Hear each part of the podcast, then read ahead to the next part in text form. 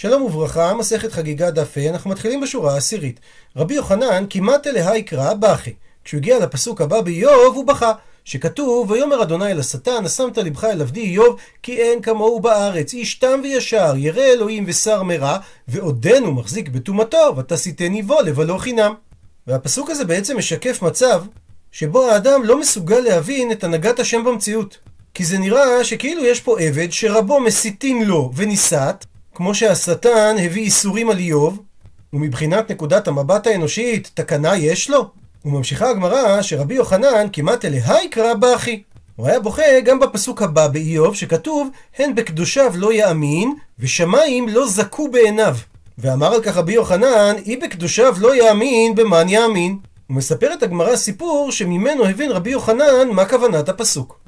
יום אחד, הווה כאזיל באורחה, יום אחד רבי יוחנן היה הולך בדרך, חז אליה גברא, הוא רואה אדם אחד, דהווה מנקית תעני, שהוא כותב תאנים, שביק הנח דמטו, ושקי לנח דלא מתו. הוא עוזב את התאנים שהגיעו לבשלות, והוא אוסף את התאנים שהם לא הגיעו לבשלות.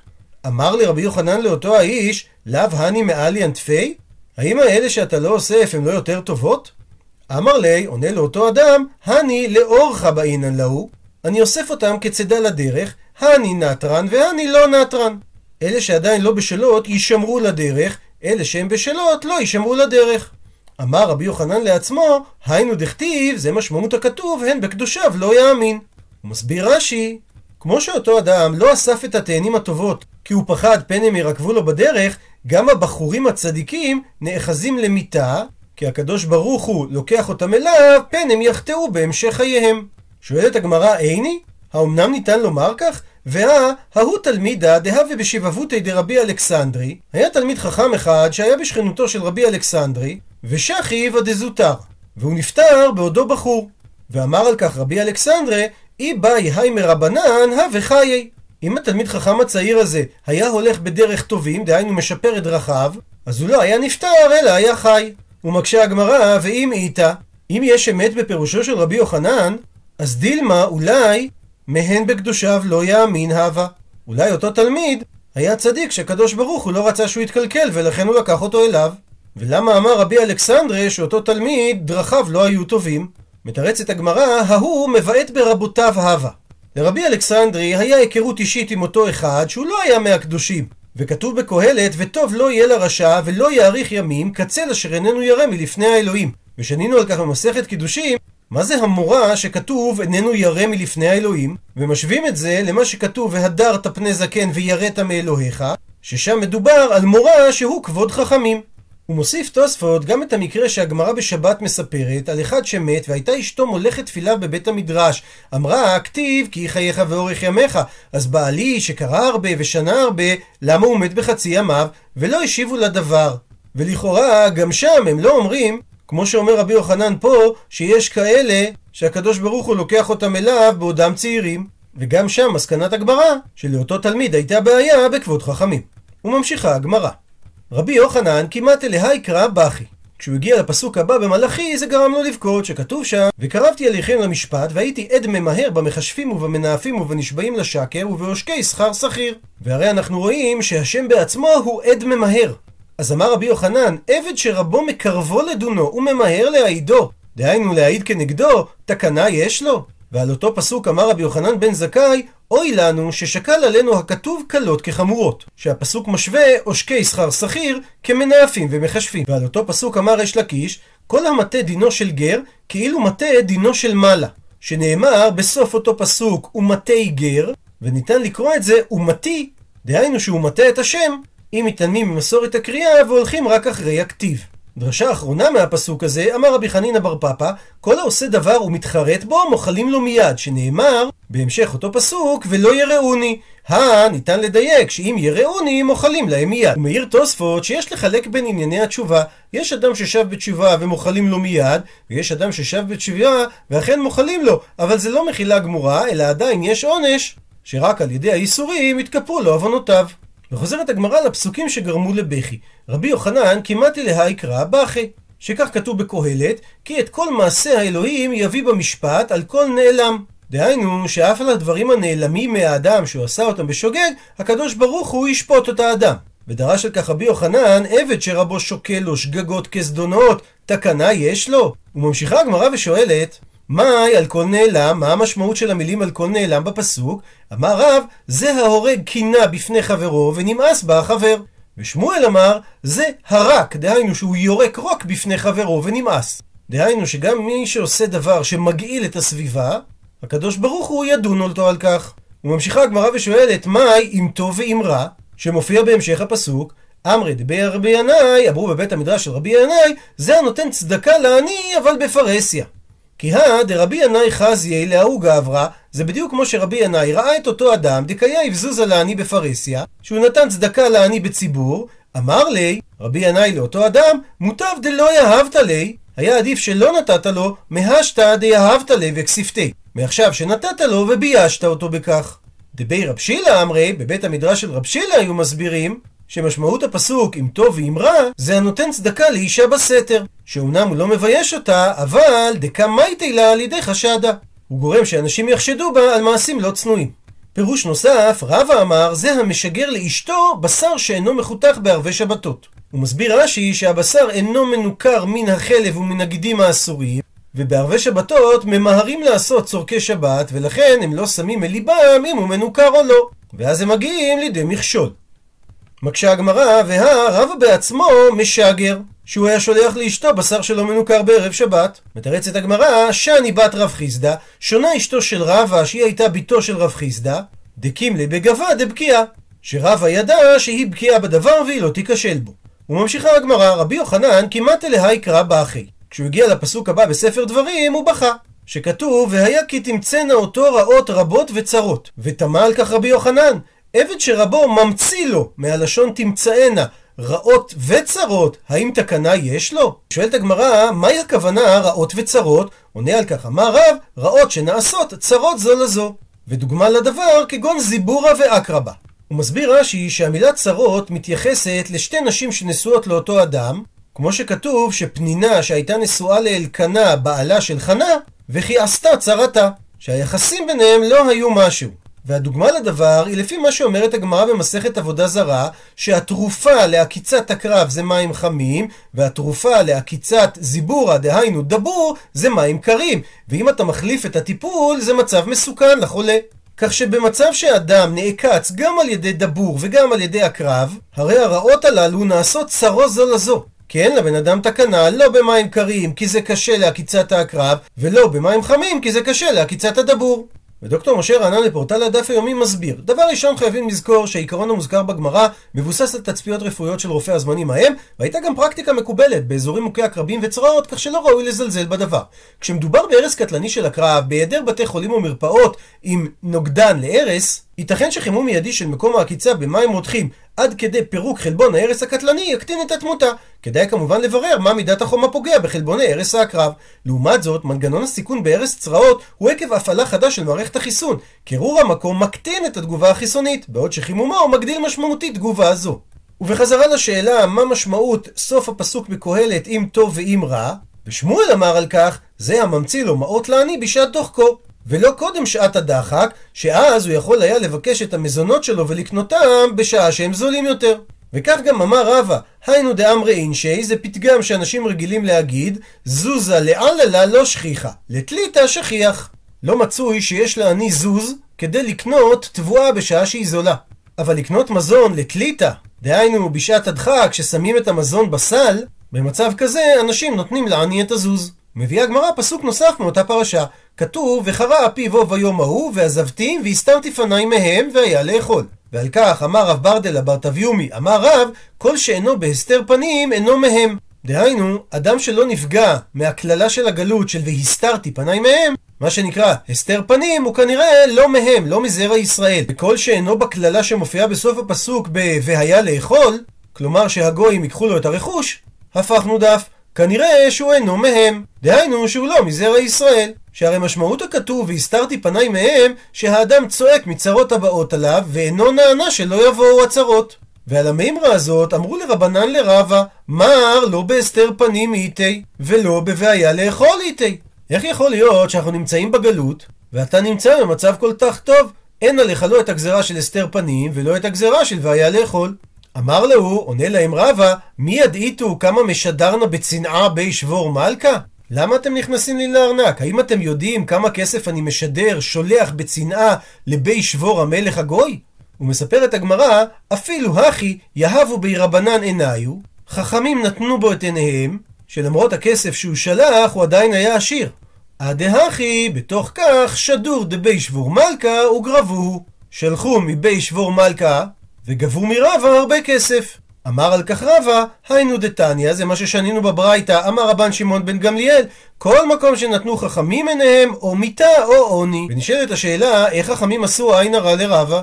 עונה על כך הבן איש חי בספרו בן יהוידע, שאין הכוונה שהיה ברבנן קווים של עין הרע כדרך בני אדם שמטילים עין הרע. אלא מכוח דיבורם של החכמים כנגד מה שרב אמר, שבגלות יש צרות, לכן הם שאלו את שאלתם. אבל מכוח הדיבור הזה נתקנאו הקליפות והחיצוינים והם הטילו עין הרע. אך מחמת שהטלת עין הרע באה מכוח הדברים שדיברו חכמים לרבה, לכך מייחסת הגמרא את הטלת העין הרע לחכמים. ודורשת הגמרא את הפסוק הבא בפרשה, נקרא בפנים, ואנוכי הסתר אסתיר פניי ביום ההוא על כל הרעה אשר עשה, כי פנה אל אלוהים אחרים. ועל כך אמר רבא, אמר הקדוש ברוך הוא, אף על פי שהסתרתי פניי מהם, בחלום אדבר בו. הוא מסביר רש"י שרבא דייק מזה שכתוב ביום ההוא, דווקא ביום ולא בלילה. שבלילה מראים לו חלום כדי שיתפלל על הדבר. ובאותו אופן רב יוסף אמר, ידו נטויה עלינו, שנאמר, פסוק בישעיהו נקרא בפנים, ואשים דברי בפיך ובצל ידי כיסיתיך, למטוע שמיים ולסוד ארץ, ולאמור לציון עמי עתה. ומזה שכתוב ובצל ידי כיסיתיך, זה אומר שידו של הקדוש ברוך הוא נטויה להגן על עם ישראל גם בגלות. ובאותו עניין מביאה הגמרא סיפור. רבי יהושע בן חנניה, הווה קאי בקיסר. היה עומד אצל הקיסר, אך וילה ההוא אפיקורסה, היה שם איזה אפיקורס, שזה אדם שאינו מאמין לדברי חז"ל, למשל הצדוקים, והוא הכווה לו בידו על ידי סימן ורמז לו, עמא דהדרינו מרא להפי מיני. אתה רבי יהושע שייך לעם שהקדוש ברוך הוא החזיר את אפיו ממנו. דהיינו נטש אותו. אך וילי, הכווה לו חזרה בידו רבי יהושע לאותו אפיקורס, ידו נטויה עלינו. הקיסר רואה את הפנטומימה הזאת, אמר לקיסר לרבי יהושע, מה יחווי לך? מה הוא רמז לך בידו? עונה לו רבי יהושע, שהוא אמר לו, אמא דאדרינו מר אליה פי מיני. שאני שייך לעם שהקדוש ברוך הוא נטש אותו. ואנה מכווין עלי, ואני החזרתי לו רמז, ידו נטויה עלינו. וכמו ששאלו את רבי יהושע, אמרו לי להוא מינה. שואלים את אותו אפיקורס, מה יחבית לי? מה אתה סימנת לו? והוא עונה, אמא דאדרינו מר אליה פי מיני. וממשיכים ושואלים אותו, ומה יחווי לך, ומה הוא רמז לך חזרה, אבל את זה לא ידענה, הוא לא ידע להגיד. אמרו, גברא דלא ידע מים החביא לי במחוג, יחבי קמי מלכה? אדם שלא מבין בשפת הרמיזות, מעז לעשות רמיזות לפני המלך? זה חוצפה. אפקוהו וקטלוהו, הוציאו אותו והרגו אותו. ומספרת הגמרא, כי כאן ניחא נפשי, כשגסס דרבי יהושע בן חנניה, אמרו לרבנן, מה יתאה ועלן מהאפיקורסים? עד עכשיו אתה היית בוויכוחים עם האפיקורסים, עכשיו כשתמות, מי יסתדר איתם? אמר להם רבי יהושע בן חנניה, את לשון הפסוק מירמיהו נקרא בפנים, לאדום כה אמר אדוני צבאות, האין עוד חוכמה בתימן? אבדה עצה מבנים, נסרחה חוכמתם. שעל השאלה האין עוד חוכמה בתימן, שזה אצל הגויים, התשובה אבדה עצה מבנים, הכוונה מישראל. שכיוון שאבדה עצה מבנים, נסרחה חוכמתן של אומות העולם. והיא באי תימה, ואם תרצה תאמר תשובה אחרת, מהכה. מהפסוק שאומר יעקב לעשו, ויאמר נישא ונלכה ואלכה לנגדך. ומשמעות המילה לנגדך הכוונה בשווה אליך. שבוויכוחים בין זרעו של יעקב לזרעו של עשו, לא תהיה חוכמתן של בני עשו גדולה מחוכמתם של בני יעקב. ומספרת הגמרא שרבי הילה, הווה סליק בדרגה, דבי רבא בר שילה. היה עולה במדרגות לביתו של רבא בר שילה. שעמי לינוקה דהווה קקרי, הוא שומע תינוק שקורא את הפסוק. מספר עמוס נקרא בפנים, כי הנה יוצר הרים ובורא רוח, ומגיד לאדם מה שיחו, עושה שחר עייפה ודורך על במותי ארץ, אדוני אלוהי צבאות שמו. ואמר על כך רבי הילה, עבד שרבו מגיד לו מה שיחו, תקנה יש לו? ושואלת הגמרא, מהי הכוונה מה שיחו? עונה על כך, אמר רב, אפילו שיחה יתרה שבין איש לאשתו מגידים לו לאדם בשעת מיתה. הוא מסביר רש"י ששיחה יתרה זה דברי שחוק שלפני תשמיש. ושואלת על כך הגמרא, איני? האומנם הדברים הללו הם דברים שאדם נענש עליהם? והא והרי רב כהנא הווה גני תותי פור ידי רב, שכב מתחת למיטתו של רב, ושמי, והוא שמע אותו, דסך וצחק ועשה צרכיו. שהוא דיבר עם אשתו וצחק איתה, ורק אחר כך שימשו. אמר רב כהנא מתחת למיטה, דמי פומי דרב כמאן דלא טעים לתבשילה. דומה הפה של רב כאילו הוא לא טעם תבשיל והוא רעב לאכול, כלומר הוא מתאבל לתשמיש. שומע אותו רב, אמר לי, כהנא, פוק, צא מפה, לעבור אחרה. אפילו אם אתה רוצה ללמוד מה ההלכה בענייני תשמיש, זה לא דרך ארץ להתחבא מתחת למיטה. ומהסיפור הזה אנחנו רואים שרב סך שיחה יתרה. ואיך זה מסתדר עם מה שאמר רב בעצמו, ששיחה יתרה שבין איש ואשתו מגידים לו לאדם בשעת מיתה? מתרצת הגמרא, לא קשיא, כאן דצריך לריצויה, הא דלא צריך לריצויה. אסור לאדם להיות עם אשתו אם היא בכעס עליו, ולכן הוא היה צריך לרצות אותה. מה שאין כן במקום שהיא בשמחה והיא לא בכעס עליו, היה בדבר משום שיחה יתרה. ועל הפסוק בירמיה, ואם לא תשמעוה במסתרים תבכה נפשי מפני גבה, אמר רב שמואל בר איניה משמי דרב, מקום יש לו לקדוש ברוך הוא ומסתרים שמו. שאם לא כן, אז הפסוק היה צריך לומר, בסתר תבכה נפשי. אלא אומר רב שהמילה מסתרים היא שם של מקום. ושואלת הגמרא, מהי הכוונה מפני גבה? עונה על כך, אמר רב שמואל בר יצחק, מפני גאוותם של ישראל שניטלה מהם וניתנה לעובדי כוכבים. ורבי שמואל בר נחמני אמר, שזה מפני גאוותה של מלכות שמיים. מקשה הגמרא, ומי איכא בחייה קמא הקדוש ברוך הוא? האם יש בכי לפני השם? והאמר רב פאפא, אין עצבות לפני הקדוש ברוך הוא, שנאמר, הוד והדר לפניו, עוז וחדווה במקומו. מתרצת הגמרא לא קשיא, הא בבתי גבאי, הא בבתי ברי. בחדרים החיצוניים אכן עוז וחדווה. אבל בחדרים הפנימיים זה מה שנקרא במסתרים, שם תבכה נפשי. מקשה הגמרא, ובבתי ברי לא בוכה השם? והכתיב, פסוק בישעיהו, ויקרא אדוני אלוהים צבאות ביום ההוא לבכי ולמספד ולכורחה ולחגור שק. ומהלשון שנקט הפסוק ויקרא, משמע שמדובר על בכי שמתבצע בפרהסיה. מתרצת הגמרא שאני חורבן בית המקדש, דאפילו מלאכי שלום בכו, שנאמר, פסוק בישעיהו, הן אראלם.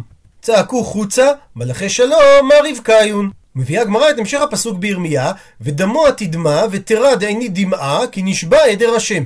ושלוש פעמים מוזכרת המילה דמעה, ודמוע, תדמע, ושוב דמעה. ועל כך אמר רבי אלעזר, שלוש דמעות הללו למה? אחת על מקדש ראשון, ואחת על מקדש שני, ואחת על ישראל שגלו ממקומן. ובסוגריים נאמר כי יש כאן רמז שאין חורבן שלישי, סגור סוגריים. ואיכא דאמרי, ויש אומרים שהדמעה השלישית היא אחת על ביטול תורה. ושואלת הגמרא, בישלמה נוח לי להבין למאן דאמר שהדמעה השלישית היא על ישראל שגלו, היינו דכתיב, אז זה משמעות הכתוב, כי נשבע עדר השם. אלא למאן דאמר שהדמעה השלישית היא על ביטול תורה, מאי, איך הוא יסביר את כי נשבע עדר השם? עונה הגמרא, שכיוון שגלו ישראל ממקומן, אין לך ביטול תורה גדול מזה. וניתן להבין את משמעות הדבר אם נשווה אותו לגמרא בברכות דף ח עמוד א', שאומרת שמיום שחרב בית המקדש, אין לו לקדוש ברוך הוא בעולמו אלא ארבע אמות של הלכה בלבד. כי כשחרב בית המקדש ועם ישראל יצא לגלות, התורה הלכה והצטמצמה בתיאוריה, בהלכה בלבד. ולא סתם כינו המוסלמים את היהודים אנשי הספר. כי כשעם ישראל לא נמצא בארצו ואין בית מקדש, הרי הרבה מההלכות הן הלכות תיאורטיות ולא הלכות למעשה.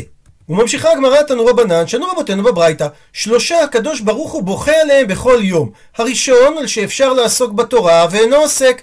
השני, ועל שאי אפשר לעסוק בתורה ועוסק. ויש שמפרשים את זה על הצער שיש לו כי הוא לא מוכשר לעסוק ובכל זאת הוא מתאמץ, ויש שמפרשים שזה אדם שעדיף שלא יעסוק בתורה בגלל קלקול המידות שלו ובכל זאת הוא עוסק בה. והשלישי שעליו בוכה הקדוש ברוך הוא ועל פרנס המתגאה על הציבור.